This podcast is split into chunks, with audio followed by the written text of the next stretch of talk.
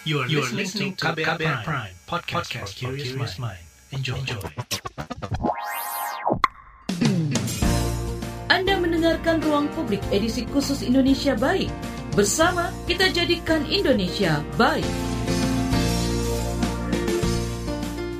Selamat pagi, kita berjumpa kembali dalam Ruang Publik Indonesia Baik KBR dan tema pagi hari ini wisata sehat di tengah pandemi. Konsep wisata baru yang mengedepankan kesehatan di tengah pandemi terus digagas. Ada wisata alam berbasis olahraga, ada juga wisata dengan konsep virtual. Ini semua dilakukan untuk menjaga kesehatan fisik di tengah pagebluk. Namun bagaimana idealnya pelaksanaan wisata di tengah pandemi ini? Apa yang perlu dilakukan oleh penggagas wisata agar masyarakat bisa refreshing namun kesehatan juga tetap terjaga? Untuk membahasnya kita akan simak perbincangan rekan Fitri Anggreni bersama penggagas wisata sepeda kampung, Sarjanto dan juga penggagas wisata virtual Itvi Pancani. Pada kesempatan kali ini kita akan simak terlebih dahulu penjelasan penggagas wisata sepeda kampung Sarjanto. Uh, Mas Sarjanto ini kan salah satu pegiat pariwisata unggulan di Yogyakarta. Uh, sebelum kita bicara soal tempat-tempat wisata yang menjadi fokus uh, dari Mas Sarjanto sendiri, boleh diceritakan komunitas Mas Sarjanto yaitu Jogja Fun Cycling. Itu komunitas seperti apa, Mas? Jadi konsepnya Jogja Fun Cycling itu kita berolahraga, kita bersepeda sekaligus kita berfun ria atau kita bersenang-senang. Itu dalam rangka juga kalau saat ini pandemi itu untuk menjaga atau meningkatkan imunitas kita. Jadi konsepnya ya, kita kita bersama komunitas ya kalau misalnya hari Minggu itu kita biasanya sama komunitas itu kita bersepeda tapi kita punya mempunyai tujuan atau destinasi tertentu di objek wisata yang sebelumnya kita belum pernah mengunjungi. Ya, misalnya tanggal 7 kemarin kita uh, sudah rencanakan kalau kita mau mengadakan misalnya kunjungan ke Kebon Pring. Kebon Pring itu adalah salah satu wisata sebenarnya kuliner, tapi sekarang dikemas menjadi kayak wisata eko dan wisata uh, sekaligus wisata alam yang untuk para penggoes di Jogja itu sangat terkenal sekali. Nah, di situ kita nanti berdiskusi sekaligus kita di situ menikmati apa kuliner spesial di sana. Nah, di sana juga kita berfanria. Nah, dengan seperti itu kita sebenarnya tidak hanya berolahraga saja, tetapi kita di sana kita bersepeda, sekaligus kita berolahraga dan sekaligus kita mempunyai tujuan pasti yaitu kita menuju objek wisata. Di situ kita bisa menggali atau kita mengetahui oh di kebun pring atau di destinasi tertentu itu misalnya uh, wisata unggulannya itu apa di kebun pring adalah kuliner alaminya misalnya seperti itu Mbak. Juga di tempat-tempat wisata alam yang lain gitu. Itu latar belakang uh, terbentuknya Jogja Fun Cycling ini apa Mas dan sejak kapan? Itu latar belakangnya kita punya hobi yang sama yaitu bersepedaan. Nah, kita katakan bersepeda itu hanya sendiri-sendiri, hanya berdua-berdua, tidak ada organisasinya. Tapi kalau misalnya di organisasi itu akan lebih tertib. Jadi kita punya ketuanya, kita punya apa ya struktur organisasi itu kayak punya bendahara, sekretaris dan sebagainya itu juga waktu misalnya di jalan itu kita tertib karena memang ada yang mengendalikan, ada yang misalnya jadi kapten roadnya itu yang sebagai penunjuk jalannya juga nanti di sana apa yang akan kita kerjakan itu semuanya terplanning yang jelas konsepnya itu pada dasarnya kita tuh punya hobi yang sama yaitu para penggoes gitu mbak. Para apa ya cyclist gitu. Jadi itu uh, background utamanya. Kemudian kita ternyata punya sama-sama yaitu suka jalan-jalan terutama jalan-jalan uh, sambil bersepeda di tempat-tempat wisata seperti itu. Itu jadi backgroundnya semacam itu. Ini sejak tahun uh, kapan ya mas ya berdirinya PSBB Mbak, jadi hampir dua tahun. Nah, waktu PSBB kan kita nggak ke mana-mana ya, tapi bosen juga ya. Tapi supaya kita tuh tetap imunnya terjaga, terus kita juga nggak diem di rumah aja, tapi kita tuh berolahraga sekaligus yang bisa, maksud saya ada manfaatnya gitu Mbak. Apa ya? Yaitu kita bareng-bareng kita ke destinasi wisata tertentu, kita gali atau kita kita serap lah, kita apa yang bisa kita ambil manfaatnya dari destinasi wisata tersebut. Nah, apakah bisa diterapkan di tempat kita dan sebagainya. Kebetulan di tempat saya sendiri itu ada ada wisata alam unggulan Mbak itu berupa kayak sumber mata air alami nah, namanya itu Sendang Sombo Merti. Nah itu kan berkembang terus Mbak. Kita mau cari identitas kita, mau kita bikin model seperti apa, misalnya kuliner. Kulinernya kayak apa, misalnya seperti itu. Atau kita bikin wisata alam yang uh, alami tapi berkonsep modern seperti apa, seperti itu. Jadi kita uh, punyai mempunyai tujuan kalau kita misalnya ngowes bareng-bareng kita ke destinasi destinasi wisata tertentu itu ada maksud yang ada tujuannya nanti apa yang kita bisa ambil dari di sana dan bisa nggak kita terapkan di sini seperti itu mbak Sejauh ini sudah berapa banyak tempat wisata yang sudah dikunjungi oleh teman-teman Jogja Fun Cycling ini sendiri mas selama dua tahun ini? selama dua tahun ini ya karena kita kadang vakum, kadang rutin itu sudah hampir sebelas sebelas mbak ya. Itu semua di daerah Yogyakarta. Di luar Yogyakarta itu kita sudah ke Borobudur dan kita sudah ke Serumbung atau lembah atau kaki Merapi itu. Uh, tapi kita fokuskan di Jogja aja sudah banyak sekali itu, Mbak.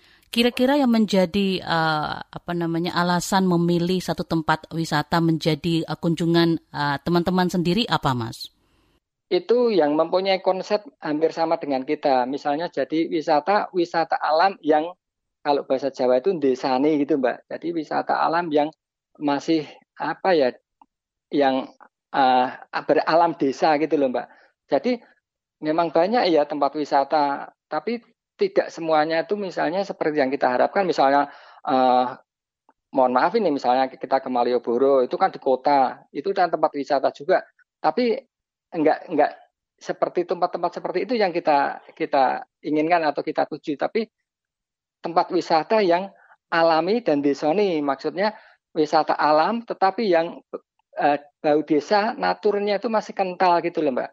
Seperti di Ketingan. Ketingan itu salah satu uh, desa wisata itu untuk konservasi burung bekok, Mbak. Nah, ya, itu itu nah, bagus sekali itu. Jadi konsepnya itu alam, Mbak. Terus di situ itu apa ya? Maksudnya benar-benar masih pedesaan. Di pinggir desa itu ada tempat konservasi burung-burung blekok atau uh, itu yang warna putih, kakinya panjang, Nah itu di sana itu nggak hanya ratusan mbak, tapi ribuan burung blekok di sana itu. Dan memang habitatnya jadi rumah rumah burung blekok. Kalau di Jogja ya di sana itu di Ketingan itu. Nah kita kan mencari tempat-tempat yang seperti itu. Nah, beberapa waktu itu ke Ngelanggeran. Ngelanggeran itu salah satu destinasi wisata, dia juga destinasi wisata unggulan. Bahkan sudah termasuk destinasi wisata itu wisata desa tingkat nasional tuh. Jadi uh, benar-benar wisata yang alam terus desa ini dan di sana tuh ada objek unggulan atau apa ya produk unggulan. Dia ternyata punya banyak sekali. Di situ ada kampung pitu di situ ada embung langgeran di situ ada uh, gunung api purbanya di situ juga ada ternyata produk unggulan yaitu coklat terus kambing ottawa nah di situ kan kita kita ke sana itu ada tujuannya mbak jadi nggak hanya sekedar kita apa ya bareng-bareng sepedaan ke sana, tapi ada tujuannya apa yang bisa kita ambil nanti di di objek wisata tertentu itu. Nah kira-kira cocok nggak kita kalau misalnya ada beberapa yang kita terapkan di tempat kita seperti itu. Nah kalau di tempat Mas Sarjonto sendiri itu uh, wisata apa Mas? Sudah disinggung eh, sedikit, boleh dijelaskan lebih lanjut apa yang menjadi fokus, namanya apa, tempatnya? Namanya Sendang Sombo Merti. Sendang itu berarti tempat pemandian. Ya Sombo Merti itu kebetulan nama kampung kita itu Sombo Merten. Sedangkan pendiri Sombo Merten itu sendiri adalah uh, dulu-dulu ada ada sesepuh namanya Sombo Merti. Nah, kalau Sendang Sombo Merti sendiri itu artinya tempat pemandian alami di dusun Sombo Merten. Jadi itu uh, kalau Mbak Fitri sempat buka baik Instagram, Facebook ataupun di web itu Sendang Sombong Merti akan muncul di sana. Jadi itu tempat pemandian alami, Mbak. Itu air itu uh, benar-benar alami dari sumber-sumber mata air alami itu kita tampung, kita jadikan tempat pemandian. Nah di situ uh, kita benar karena kita menjaga apa ya tempat dan air itu alami, kita tidak menggunakan apa bahan kimia baik kaporit mau klorin untuk membersihkan atau untuk menjaga air itu tetap alami. Karena apa?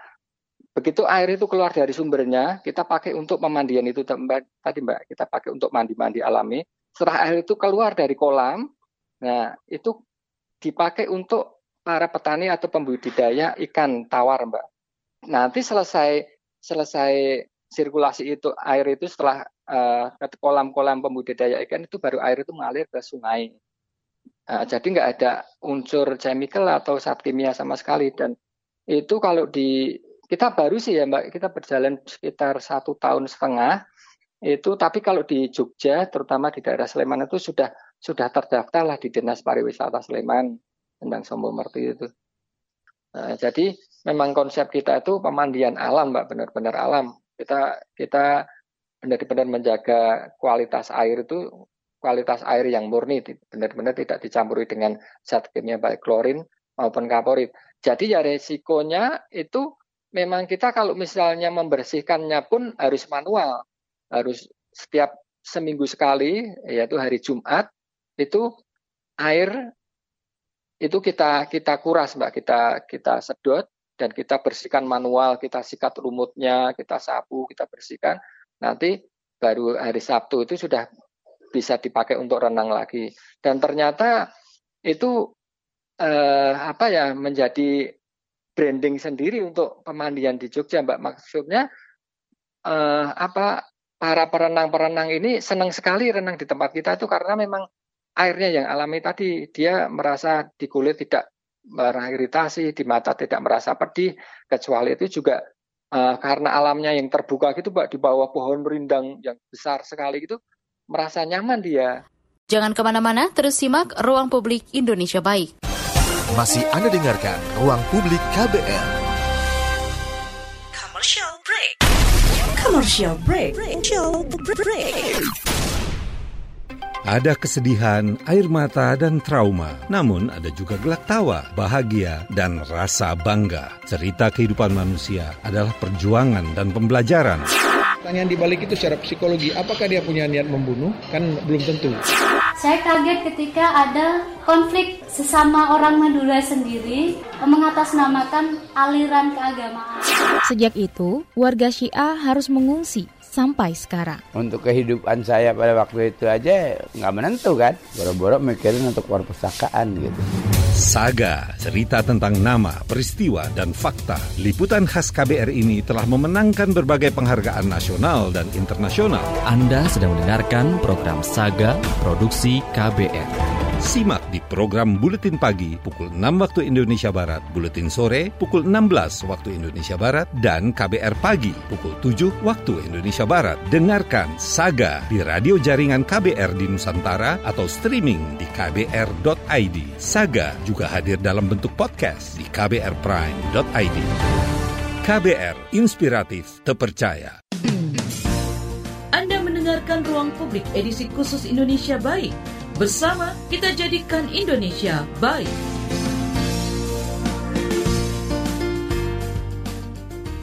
Anda masih mendengarkan Ruang Publik KBR. Jurnalis KBR Fitri Anggreni masih berbincang uh, dengan penggagas wisata sepeda kampung Sarjanto. Uh, tempat wisata selama dua tahun ini kan bisa dikatakan jatuh ya mas ya karena uh, apa namanya pembatasan bepergian masyarakat karena pandemi ya. Nah kalau Mas uh, Sarjanto sendiri melihat seperti apa peluang tempat-tempat wisata terutama yang berbasis alam ini Mas, mungkin setelah pandemi ini bisa dikendalikan nantinya saya sendiri sebenarnya pelaku pariwisata ya Mbak. Saya mempunyai travel agent, saya mempunyai biro, tapi memang sejak PSBB itu masih berjalan uh, lumayan sih meskipun uh, berkurang bisnisnya. Apalagi saya itu bekerja samanya dengan uh, apa ya kayak travel agent dari luar negeri. Tapi begitu masuk PPKM, ada penyekatan dan ada regulasi yang harus mengharuskan misalnya naik pesawat harus semacam ini, terus uh, apa perjalanan luar negeri semacam ini memang memang itu bisa dikatakan sulit ya. Itu memang membuat membuat para wisatawan dan uh, pelaku apa ya orang yang mau melakukan bepergian terutama dari luar negeri memang ini sekali ya merasa merasa enggak nyaman dan akhirnya kan seperti kita ketahui ya pariwisata hampir lumpuh ya Mbak ya, hampir tidak ada lagi. Dan apalagi regulasi yang baru ini kan pariwisata memang apa dibatasinya semacam itu ya. Bahkan ppkm ini yang darurat itu kan tutup itu mbak. Sementara untuk tutup dulu. Nah saya melihat untuk yang potensi untuk yang wisata alam itu uh, saya sendiri apa ya melihatnya akan lebih cepat pulih daripada misalnya wisata yang lain mbak karena apa ya setelah orang itu misalnya penat dengan apa ya di rumah saja yang mereka cari kan tempat wisata yang berbasis alam ya mbak ya. Maksudnya segar alami terbuka. Karena mau tidak mau nanti meskipun kita kita tuh sudah divaksin kita tuh sudah misalnya level kita diturunkan kan kita juga tetap harus menjaga prokes itu tingkat tinggi mbak. Maksud saya dengan berhubungan dengan pariwisata dengan tempat wisata wisata-wisata alam ini uh, kemungkinan lebih berpeluang seperti di tempat saya yang sedang seperti saya sampaikan tadi itu tempatnya luas sekali mbak. Kalaupun misalnya diadakan uh, apa ya peraturan yang prokes ketat misalnya jaga jarak pun nah itu mau jaga jarak berapa saja masuk. Uh, bukan seperti misalnya tempat wisata yang uh, apa ya yang dibatasi dengan tembok, dibatasi dengan pagar, dibatasi dengan pintu masuk dan pintu keluar yang kemungkinan untuk sepanjang itu kan uh, memang agak agak susah untuk misalnya prokes yang tingkat tinggi sel jaga jarak dan sebagainya. Tapi tempat wisata yang berbasis alam, saya yakin Mbak untuk kembali pulih dan akan prospeknya akan lebih bagus Mbak dari segi maintenance lebih sulit kalau menurut Anda menjaga atau maintenance uh, wisata-wisata alam atau wisata-wisata yang uh, non alam, Mas? Uh, semuanya ada plus minusnya sih Mbak, ada tentang ruginya. Seperti kembali ke uh, yang yang di tempat saya ini ya, ke, kebetulan saya sendiri termasuk pengelola, itu maintenance-nya itu plusnya dulu ya Mbak ya, plusnya itu kita tuh untuk air karena pemandian kan kita air itu melimpah mbak sumbernya mbak.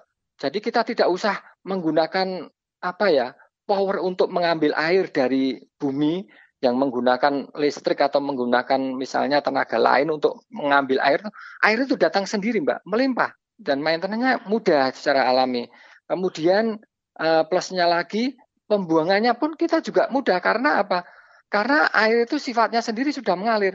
Jadi yang paling atas itu kita gunakan untuk mandi, alirannya itu kita gunakan untuk eh, tadi saya sampaikan untuk budidaya ikan, itu sudah mengalir sendiri, lari sudah ke sungai, Mbak. Plusnya lagi yaitu alami, Mbak, di tempat saya itu. Pohon-pohon yang uh, apa ya menjaga sumber mata air itu masih banyak sekali pohon-pohon besar, Mbak. Kira-kira kalau misalnya uh, kita bergandengan 10 orang itu atau lima orang sampai tujuh orang itu untuk mencakup satu pohon itu masih masih ada pohon-pohon semacam itu. Pohon-pohon tadi secara alami itu akar-akarnya tuh menyimpan mbak ternyata mbak. Jadi musim kemarau, alhamdulillah ya semacam musim kemarau panjang pun kita tidak kita tidak kekeringan mbak. Minusnya banyak juga mbak. Minusnya itu coba kalau misalnya kita pikir eh, kolam renang yang indoor di hotel atau di mall atau di spot center itu kan di indoor kemudian pakai chemical ya Mbak, itu hanya sekali misalnya pakai chemical, lumut-lumut itu tidak akan datang terus apa eh, menjaga kebersihannya gampang karena ditutup itu sudah tidak ada kotor-kotoran yang masuk.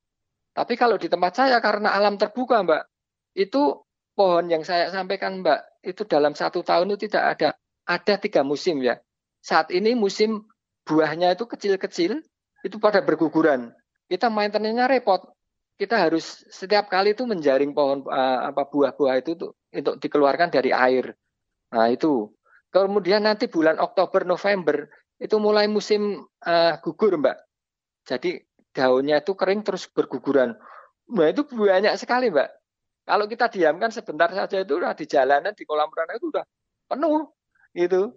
Terus juga apa uh, karena alaminya tadi itu lumut itu, Mbak kalau misalnya yang di indoor atau yang uh, pemakaian chemical itu itu enggak tumbuh lumut itu lama sekali. Tapi kalau di tempat saya itu karena outdoor dan tidak memakai chemical, lumut itu cepat sekali, Mbak. Makanya kita harus apa ya konsisten, area kontinu setiap Jumat itu kita tutup dan kita berisikan manual. Ya resikonya harus itu tadi kita bersihkan manual, kita sikat manual lumutnya itu biar hilang, Mbak. Jadi Mas Sarjanto, uh, kapan baiknya wisatawan uh, mengunjungi tempat-tempat wisata yang berbasis alam ini, Mas? Untuk bisa menikmati uh, alamnya dan juga fasilitas yang ada di sekitarnya. Kalau menurut saya kita kita mengikuti regulasi dari pemerintah, Mbak. Kalau misalnya kemarin Sri Sultan ngendiko kalau objek wisata Jogja itu akan buka kalau prosentase vaksin dari warganya itu sudah 80 persen. Uh, terus PPKM sendiri uh, beliau menyampaikan itu lewat dispar juga kalau misalnya baru dibuka kalau sudah level di level 2. Nah, kita sendiri selama ini masih maintenance-maintenance saja, tapi karena di tempat kita itu Mbak, itu kan alamnya terbuka ya Mbak. Yang datang tuh bukan hanya orang mau wisata saja, tapi orang mau mancing ya saya sampaikan tadi karena aliran kita itu dipakai untuk budidaya ikan itu dipakai pancing. Nah, pancingan itu bukan hanya sekedar hobi, Pak, tapi mereka juga mencari pencaharian ya, Mbak, sebagai mata pencaharian ya. Terus ada juga karena itu apa ya, itu punyanya kampung dan kita tidak tutup, Mbak. Kita tidak ditutup kita tidak tutup terus tidak boleh dikunjungi sama sekali. Orang yang datang ke situ untuk misalnya secara tradisional mandi, mau mencuci, kan kita tidak bisa menutup, Mbak. Nah, tapi secara secara apa ya, secara prinsipnya kita mengikuti regulasi atau peraturan dari pemerintah, Mbak. Apa pesan Mas Sarjanto bagi para wisatawan yang ingin mengunjungi berbagai tempat wisata, terutama wisata alam di tengah masa pandemi ini supaya tetap sehat walaupun uh, tetap mengunjungi berbagai tempat wisata, Mas? Kalau saran saya kita tetap Mbak, kita tetap ber apa ya, uh, beraktivitas yang menyehatkan sekaligus menyenangkan, Mbak. Nah, kita aktivitas yang uh, menyehatkan sekaligus menyenangkan. Contohnya tadi fun cycling tadi karena memang itu saya itu kan menyehatkan juga menyenangkan loh, Mbak. Dan kita mengunjungi wisata-wisata tadi. Yang terpenting, Mbak, kita tetap jaga prokes ya, Mbak ya. Kita tetap pakai masker. Nah, saya sudah sampaikan kalau misalnya kita pas di jalan kita pas ngos-ngosan ya maskernya dilepas nggak apa-apa. Tapi kalau kita nanti sudah berhenti kita sudah ngumpul-ngumpul masker dipakai lagi. Kan hanya nurunin lagi. Terus prokes itu benar-benar dijaga mbak. Kalau kalau alhamdulillah lah misalnya orang cycling itu kan jaga jarak itu sudah pasti mbak ya. Nah, jaga jarak udah pasti. Jadi pakai masker jaga jarak. Nanti kalau di tempat wisata sering cuci tangan biasanya di wisata-wisata sini kan itu tempat-tempat kayak itu, itu memang disediakan Nah, saran saya yaitu tadi Mbak, kita tetap beraktivitas. Kalau bisa yang menyenangkan dan menyehatkan, tetapi prokes tetap dijaga. Itu dalam rangka apa? Dalam rangka meningkatkan imunitas kita, Mbak. Kalau imunitas kita itu tinggi, imunitas kita itu, itu baik, insya Allah lah apa uh, virus itu kita masih memenangkan kalau misalnya pertarungan dengan virus itu. Kita sudah antisipasi dengan vaksin, kita sudah antisipasi dengan prokes. Nah, mudah-mudahan dengan cara semacam itu kan uh, apa ya imun kita tinggi, kita itu masih memenangkan kalau misalnya harus berperang dengan virus tadi. Tapi mudah-mudahan kita semua selalu dalam keadaan sehat, Mbak. Kami ingatkan kembali kalau ruang publik KBR edisi hari ini adalah rekaman, jadi kami tidak bisa menerima pertanyaan dari pendengar. Jangan ke mana-mana. Anda mendengarkan ruang publik edisi khusus Indonesia Baik. Bersama kita jadikan Indonesia baik. Ya, terima kasih untuk Anda yang masih setia mendengarkan ruang publik dari KBR edisi hari ini dengan tema Wisata Sehat di Tengah Pandemi. Selain konsep wisata yang mengedepankan kesehatan fisik dengan bersepeda, kini juga marak ya gagasan wisata dengan protokol kesehatan alias menjaga jarak bahkan tak bertemu satu sama lain. Wisata ini disebut dengan wisata virtual. Seperti apa wisata virtual ini dijalankan? Pada perbincangan pagi ini kita akan simak penjelasan penggagas wisata virtual Itvi Pancani dipandu rekan Fitri Anggreni. Mas Itwi, ketika kita bicara mengenai pariwisata, piknik pasti yang terbayang adalah jalan-jalan langsung ke lokasi. Tapi menariknya Mas Itwi ini menggagas piknik virtual. Bisa diceritakan awal mula piknik berbasis online atau digital ini dilaksanakan, Mas? Apakah ini ada kaitannya dengan COVID-19? Jadi ceritanya ini memang berkaitan dengan COVID-19. Iya, karena kan memang profesi saya sebetulnya sebagai seorang tour leader dan tour guide. yang mana memang biasanya saya melakukan perjalanan untuk memandu atau enggak untuk menemani uh, wisatawan-wisatawan yang pelesiran ke berbagai tempat gitu dari mulai Indonesia sampai ke berbagai tempat di mancanegara. Nah, kemudian ketika COVID melanda, sebetulnya sejak Februari itu semua kerjaan saya uh, di dunia pariwisata, kebetulan juga saya juga bekerja juga di dunia public speaking.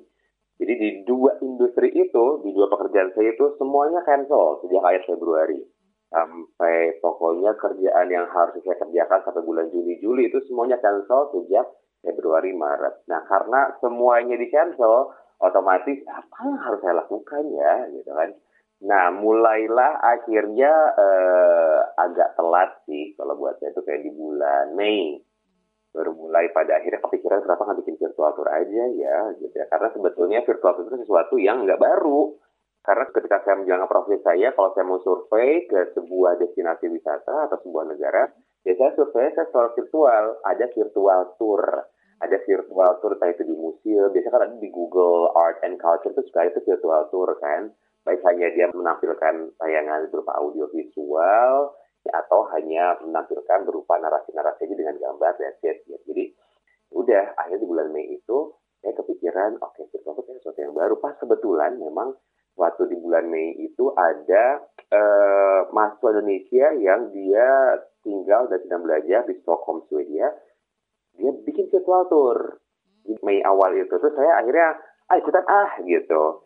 Sekalian saya survei, siapa sih dapat inspirasi gitu kan, untuk bisa menjalankan virtual tour juga gitu. Tapi waktu itu saya mikirnya, kita lihat aja dulu gitu ya, apakah saya bisa apa tidak. Saya ikutin perjalanan virtualnya yang ternyata cukup simpel dan dalam hati saya bilang, kalau gini mah gue juga bisa gitu ya. Terus akhirnya nggak berapa lama setelah ikut virtual tour dari si mahasiswa yang ada di Swedia itu, kebetulan ada salah satu startup uh, travel yang memang diinisiasi oleh anak-anak muda, namanya Aturin. Nah, mereka itu bikin pelatihan, bikin pelatihan uh, virtual tour untuk para pramuwisata. Nah, pramuwisatanya di waktu itu Jakarta dan sekitarnya lah ya. Jadi mereka bikin beberapa sesi dan saya ikut yang Jakarta sekitarnya. Saya ikut bersama dengan beberapa rekan-rekan pramuwisata.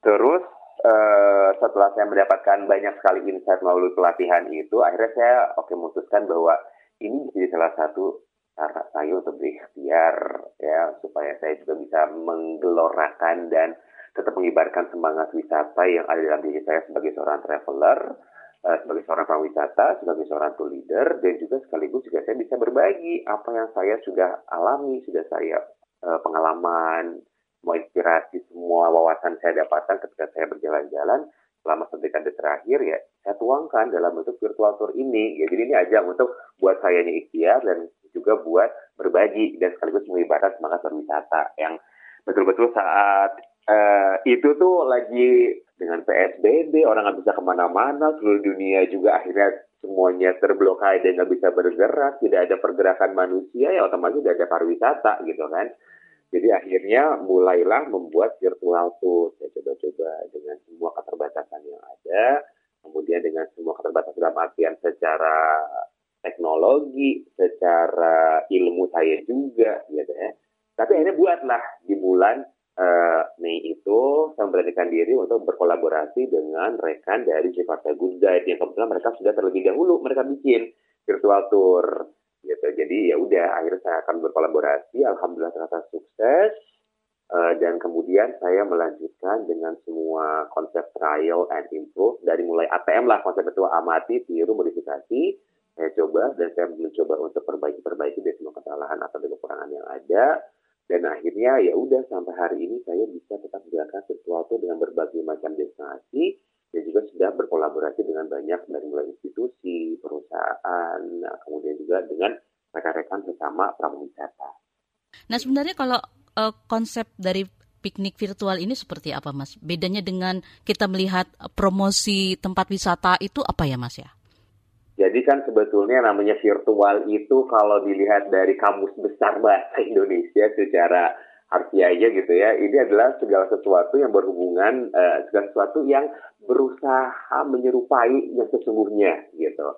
Nah, virtual tour atau virtual piknik yang kami buat ini, yang sekarang uh, sudah cukup uh, ramai dibicarakan dan diikuti oleh masyarakat ya ya berusaha untuk setidaknya mendekati eh, apa namanya konsep ambien suasana sesungguhnya meskipun sebetulnya nggak bisa apple to apple dibandingkan ya antara si virtual tour dengan si real tour. Karena jauh banget. Nggak ada yang bisa mengalahkan sensasi pengalaman dan ambience uh, real tour gitu. Cuma setidaknya kami membuat si virtual tour ini supaya orang-orang yang rindu akan perjalanan mereka bisa tetap bepergian tapi secara virtual dulu dengan gadget yang mereka punya melalui handphone atau melalui laptop dengan kuota-kuota yang mereka punya gitu ya. Apa yang membedakan dengan promo-promo wisata yang juga banyak ya digaungkan secara mungkin melalui YouTube, melalui berbagai media lah. Nah kami juga menggunakan media-media ala saya ini, saya menggunakan media seperti Google Earth, Google Map dengan Street View nanti akan menuntun kita ke beberapa destinasi atau objek wisata gitu. Kemudian saya juga menampilkan video, uh, kemudian juga foto. Ya. Nah ini dikombinasikan ditambah dengan cerita. Storytelling adalah kekuatannya di sini. Ditambah dengan media-media yang tadi kita kombinasikan, kita ramu, kita jahit, jadi sebuah perjalanan virtual yang insya Allah akan membuat orang-orang akan mendapatkan insight, akan merasa dapat sensasi yang oh seperti begini, diramu dengan cara interaktif tentunya. Jadi nggak hanya monoton, nggak hanya monolog hanya satu arah, tapi kita juga berdialog, kita berinteraksi, kita bikin kuis, bikin trivia, ya kita seru-seruan lah. Dan itu dilakukan secara live begitu ya Mas ya? Ya, dilakukan secara live. Jadi semua virtual yang uh, kami lakukan ini, yang aku lakukan secara live. Jadi kita, uh, saya live di apa device atau di gawai saya, biasanya melalui laptop. Kemudian juga para pesertanya, mereka mantengin laptop atau handphone masing-masing. Kita bertemu di platform, entah itu Zoom, dengan Google Meet, atau dengan Microsoft Teams, dan lain sebagainya. Yang membedakan adalah kalau promo-promo wisata biasanya dilakukannya ya mereka recorded kan kemudian mereka tampilkan di berbagai media yang ada. Nah, sekali piknik berapa lama Mas dilakukan? Bergantung dari kondisi. Misalkan gini, karena ada beberapa kolaborasi dengan institusi, dengan korporasi, yang mereka hanya punya waktu 30 menit. Tapi in general, pada umumnya, saya uh, menjalankan ini tergantung dari segmennya. Kalau untuk segmen anak-anak, biasanya dilakukan maksimal 60 menit. Untuk orang-orang dewasa, rata-rata ini 90 menit. Up to 120 menit. Uh, kita pengennya ya kalau berlama-lama takut orang-orang juga kan ada keterbatasan tapi dengan kuota, koneksi internet, juga daya tangan orang untuk bisa mantengin laptop atau handphone juga ya kan ada batasnya. Untuk anak-anak juga apalagi mereka juga biasanya kalau mereka harus stay tune di depan layar entah itu laptop atau handphone itu juga apalagi ya takutnya mereka restless jadi kita batasi sesuai dengan segmen. Tapi ya kami rasa setelah akhirnya mencoba ikut beberapa virtual tour, observasi, berdiskusi dengan sama rekan-rekan yang menjalankan virtual tour ini, ya itu adalah gambaran durasinya itu yang tadi adalah durasi yang cukup uh, ideal lah. Nah, Mas Itwi sendiri untuk virtual pikniknya itu berarti untuk uh, semua uh, usia ya, nggak hanya untuk anak-anak begitu ya? Sebetulnya saya all segment diawali dengan saya bikin untuk dewasa di bulan Mei itu. Nah, tapi kemudian akhirnya saya lihat dari beberapa virtual speaking yang saya jalani itu ternyata ya kan orang-orang sekarang pada stay at home, work from home, study from home. Jadi satu keluarga ngumpul. Kadang-kadang ketika saya menjalankan virtual tour itu mereka benar-benar ngumpul dari kakek, nenek, ibu, bapak, paman, tante, ponakan-ponakan, anak-anak juga. Ya dari yang tua sampai dewasa sampai yang muda, yang kecil itu ada di satu layar kelihatan gitu. Jadi ternyata itu bisa menggrab all segment gitu. Ah, dan kemudian pada akhirnya ketika kayak tiga bulan yang lalu ada salah satu rekan saya ya seorang ibu muda yang punya juga anak uh, usia masih sekolah dasar awal gitu ya. Jadi teriak-teriak gitu bantuin dong itu udah mulai stres nih.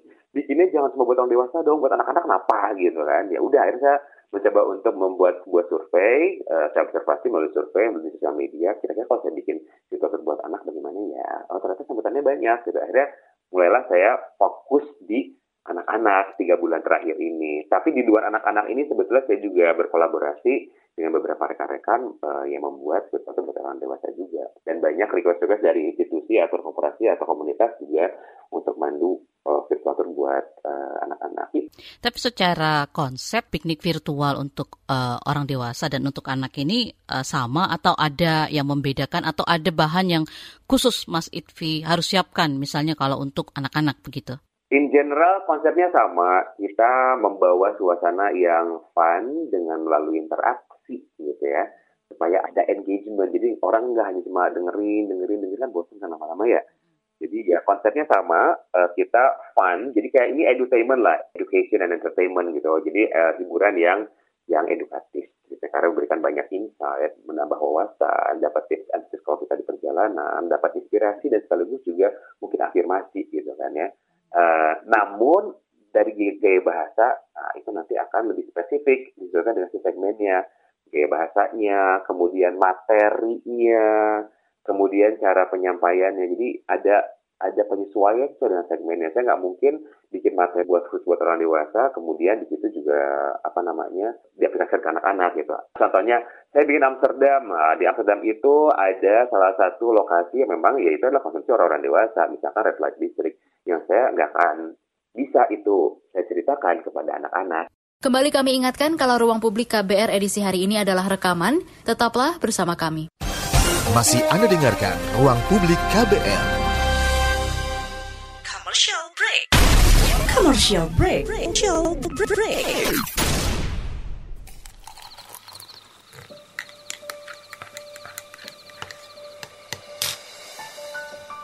Hai, kamu apa kabar? Masih suka menikmati senja dan kopi? Aku masih ingat kebiasaan kita. Sehabis pulang kerja, selalu mencari tempat untuk sekedar ngobrol dan ngopi. Tapi kadang kita kehabisan bahan obrolan.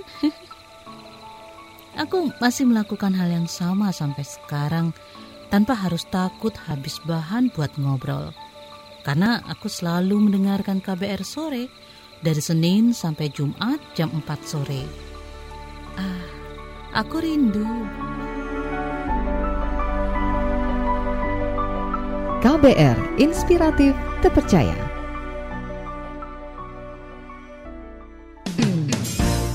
Anda mendengarkan Ruang Publik edisi khusus Indonesia Baik. Bersama kita jadikan Indonesia baik.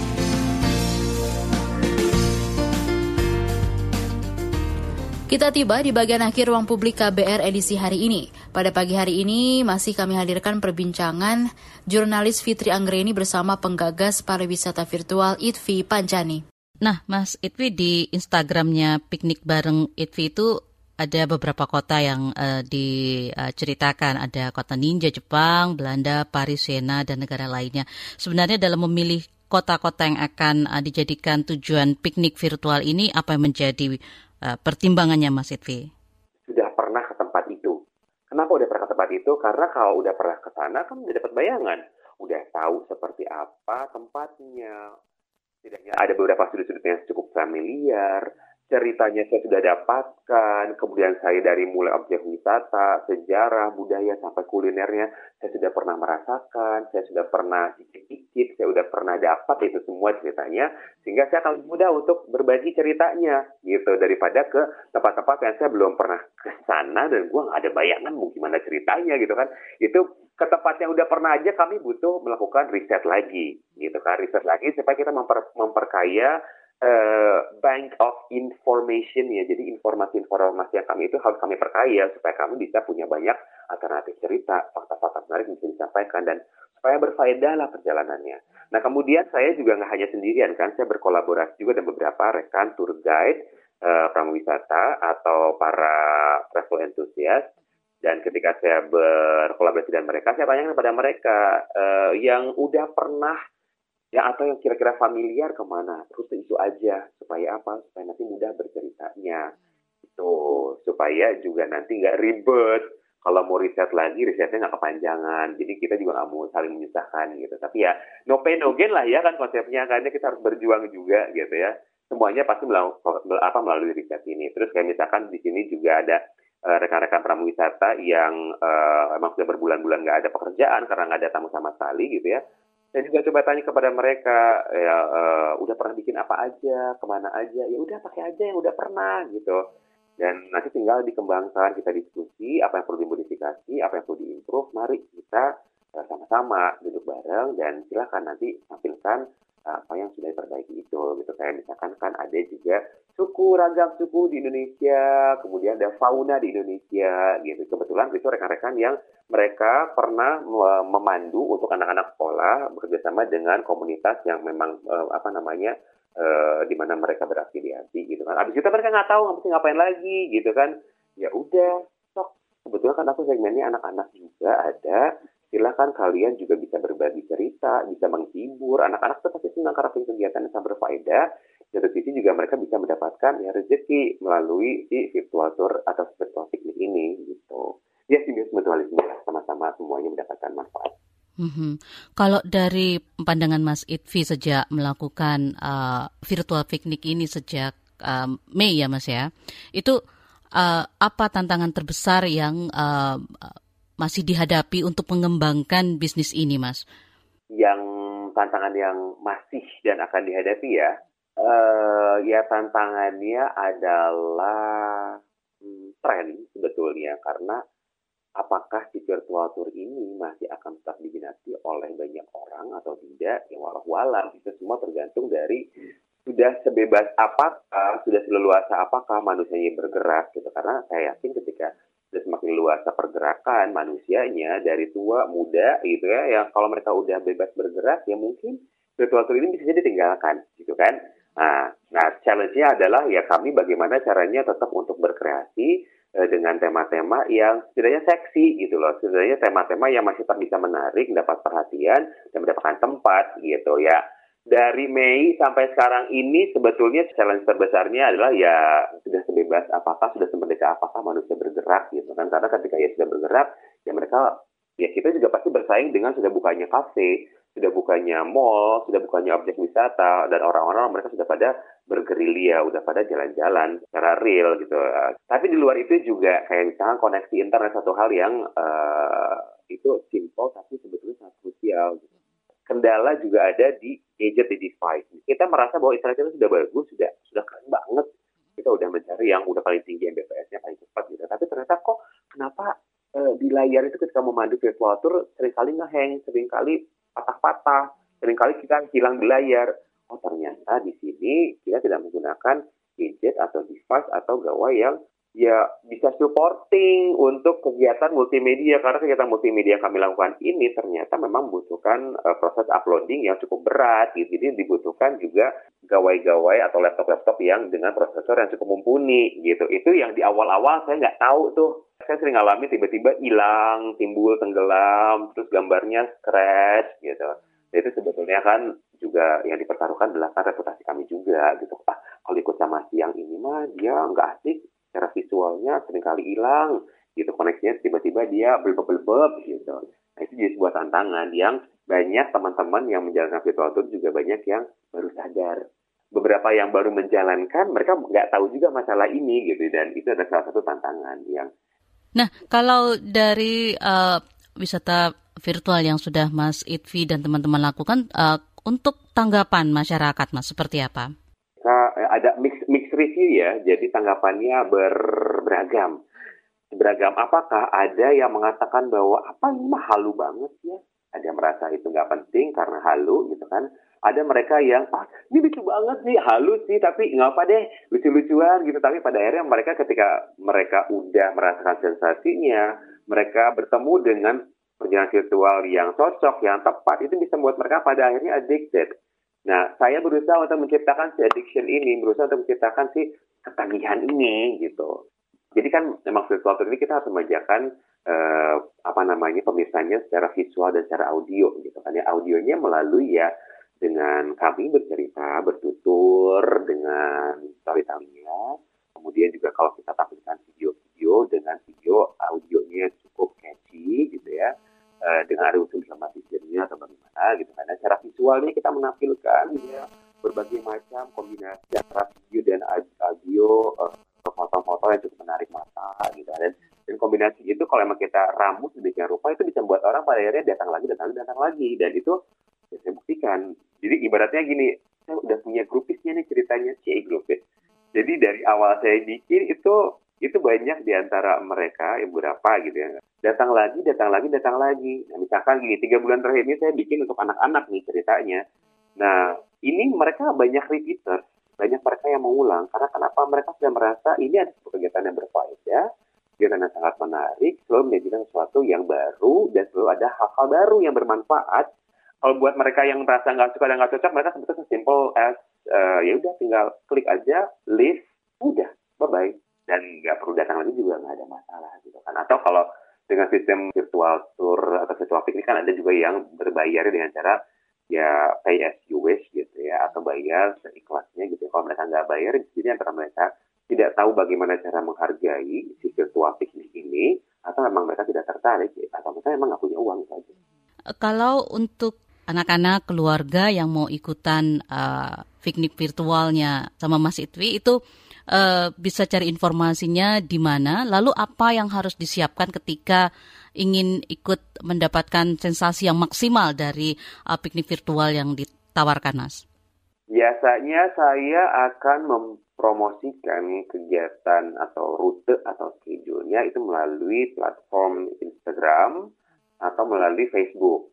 Nah, Instagramnya ada di @idvipancani, nama saya ya, saya punya itu akun pribadi.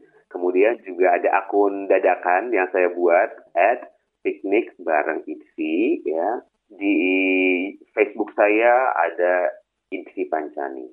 Nah, saya suka berbagi uh, promo-promonya atau berbagi schedule programnya itu melalui si media yang tadi. Terus uh, kemudian bagaimana caranya kita bisa menikmati virtual piknik itu secara maksimal ya. Saya sih biasanya selalu menyarankan kalau memang mau maksimal kita menggunakan gawai yang memang layarnya besar. Dan kita nanti bisa dimanjakan secara visual um, bisa entah di laptop atau bisa menggunakan tinggal pakai kabel uh, eh, HDMI gitu ya ke, ke layar TV gitu ya. Uh, kemudian ya udah pergunakan uh, layar besar dengan audionya kita bisa menggunakan headset supaya kita jadi merasakan sensasi apa nama audionya atau suaranya cukup bisa menggelegar di kala kita menggelegar di kalanya kita nanti mencoba untuk membuat orang hanyut dengan cerita kita menyentuh kita bisa mendengar sampai desahan-desahan sampai suara-suara bisikan gitu dengan menggunakan si headset tadi.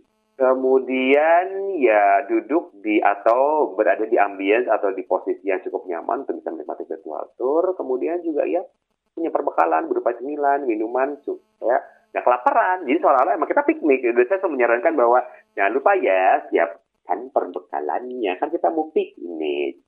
Nah, Mas Itvi, bagaimana Mas Itvi dan mungkin teman-teman yang terlibat aktif di pariwisata ini melihat uh, masa depan pariwisata Indonesia paling tidak selama satu tahun ke depan, Mas? Berdasarkan dari apa yang saya lihat ya atau yang saya rasakan atau pandangan dari diskusi-diskusi yang ada dan juga observasi, saya sih sebetulnya uh, termasuk orang yang optimis bahwa pariwisata Indonesia itu akan ber, bergerak, bergairah karena saya lihat juga di beberapa bulan terakhir sebetulnya kan orang-orang Indonesia mereka mah kayak nggak peduli amat ya dengan dengan keberadaan si wabah ini ya. Jalan-jalan ya jalan-jalan aja.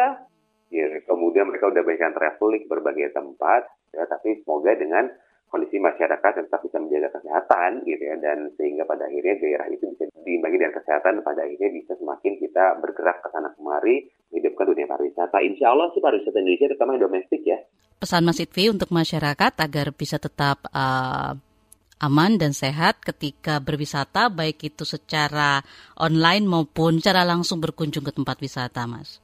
Yang pasti kalau berkunjung ke tempat wisata ikuti protokol kesehatan dengan kondisi sekarang kita masih belum aman dari wabah COVID-19 dengan kita melakukan self distancing atau social distancing kemudian juga kita selalu membawa perlengkapan perang kita, entah itu masker atau face shield, membawa hand sanitizer, membawa kayak fabric sanitizer dan lain sebagainya.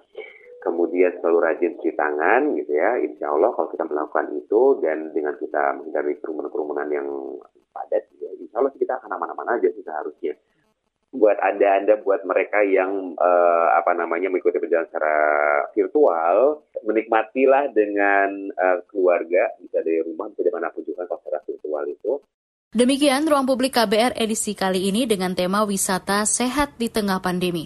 Dan bagi Anda yang tidak sempat mendengarkan siaran ini secara utuh, bisa mendengarkannya kembali di podcast kbrprime.id, lalu pilih ruang publik. Terima kasih untuk kebersamaan Anda pagi ini. Saya Naomi Liandra undur diri. Salam.